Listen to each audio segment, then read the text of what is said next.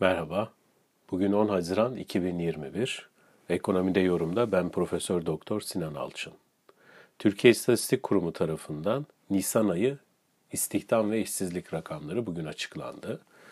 Manşet e, yani mevsim etkisinden arındırılmış işsizlik oranı 13.9 seviyesinde gerçekleşti.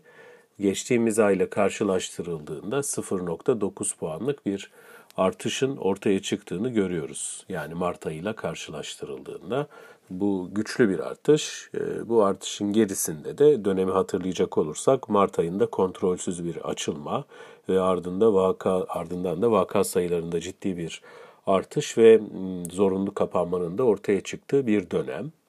Ee, bir yönüyle böyle. Bir yönüyle de uluslararası alanda da sanayi sektöründe son bir yıl içerisinde yani pandemi dönemi sonrasında ortaya çıkan e, güçlenmenin özellikle emtia fiyatlarındaki artış ve öte yandan da taşımacılık e, bedellerindeki yükselme sebebiyle e, yavaş yavaş bir durgunluğa doğru gidiyor olması böyle bir etki yaratmış. Çünkü işsizliğin ortaya çıkış biçimine baktığımızda İş gücü sayısında neredeyse bir değişiklik yok. İş gücüne dahil olan nüfusta bir değişiklik neredeyse yok. Fakat istihdamda azalma eğilimi olduğunu görüyoruz. Mart ayında ki %44.6'lık istihdam e, Nisan ayına gelindiğinde 44.2'ye kadar e, düşmüş. E, burada tabii TÜİK'in özellikle bir süredir yayımladığı mevsim etkisinden arındırılmış iş gücüne ilişkin tamamlayıcı göstergeler var. Daha önce biz bunu biliyorsunuz geniş tanımlı işsizlik veyahut da eksik istihdam, atıl e, istihdam kavramlarıyla tanımlıyorduk. Şimdi onu biraz daha e, kemiğe, ete kemiğe büründürmüş olabiliyoruz TÜİK'in bu yeni hesaplama yöntemiyle. Örneğin atıl iş gücü oranı bir önceki ayda %25.7 iken Nisan ayında %27.4'e çıkmış durumda. Nasıl hesaplanıyor?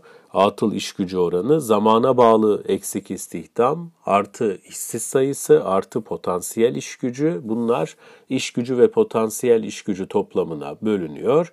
Bunun yüzdelik e, değeri de bu oranı vermiş oluyor. Yani bizim aslında geniş tanımlı işsizliğimize bu giriyor. Niye giriyor? Çünkü Özellikle pandemi döneminde uygulanan kısa çalışma ödeneği, ücretsiz izin uygulamaları birçok sektörde e, insanların çalışıyormuş gibi gözükmesine neden oluyor. Yani çalışıyor mu? Çalışıyor belki ama e, kısa çalışma ödeneği üzerinden çalışıyor gösterildiği için sigortası eksik yatıyor. Yani e, ücretini tam alsa bile bir kısmını elden alıyor.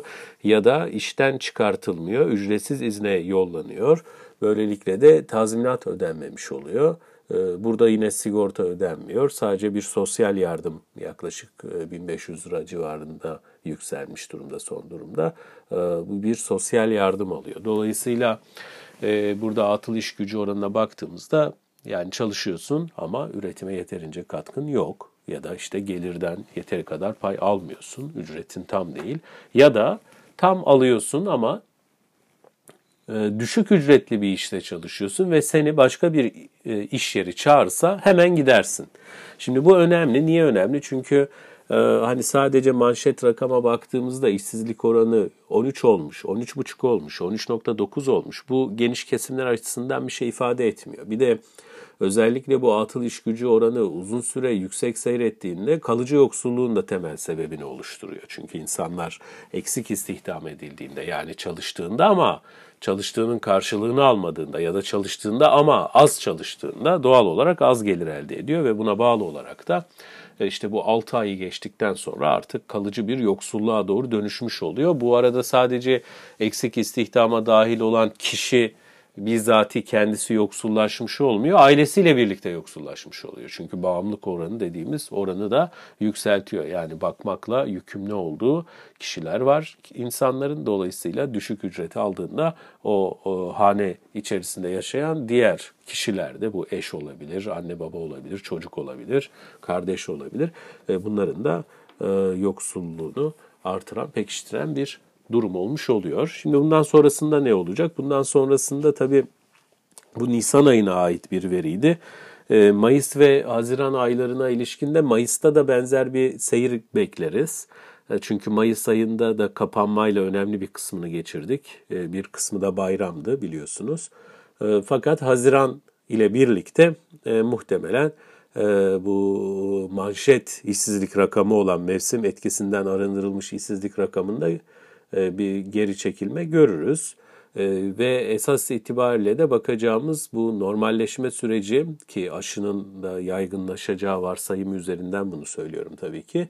E, beraberinde kısa çalışma ödeneğine ve bu e, sözleşme e, fesih e, iptali veyahut da ücretsiz izin uygulamasında kalkması sonucunu doğurabilir. Dolayısıyla burada bir dalgalanma göreceğiz. Yani Haziran ve Temmuz aylarına ilişkin işsizlik verilerinde hareketler göreceğiz ama bu hani bir yönüyle e, aslında normalleşmeyle birlikte de e, olması gerektiği seyre doğru dönecek. Sektörel bazda baktığımızda da özellikle hizmet sektörü ağırlıklı istihdamın yoğunlaştığını görüyoruz. Son 40 yıl içerisinde diğer gelişmekte olan ülkelerde olduğu gibi Türkiye'de de muazzam bir hizmetleşme var ve genç nüfusun da önemli kısmı buralarda istihdam ediliyor. Ve pandemi döneminin de sektörleri eşit ölçüde vurmadığını hesaba kattığımızda ağırlıklı olarak hizmet sektörünü etkilediğini hesaba kattığımızda ve toparlanmanın da en yavaş hizmet sektöründe gerçekleşeceğini de hesaba kattığımızda gerçekten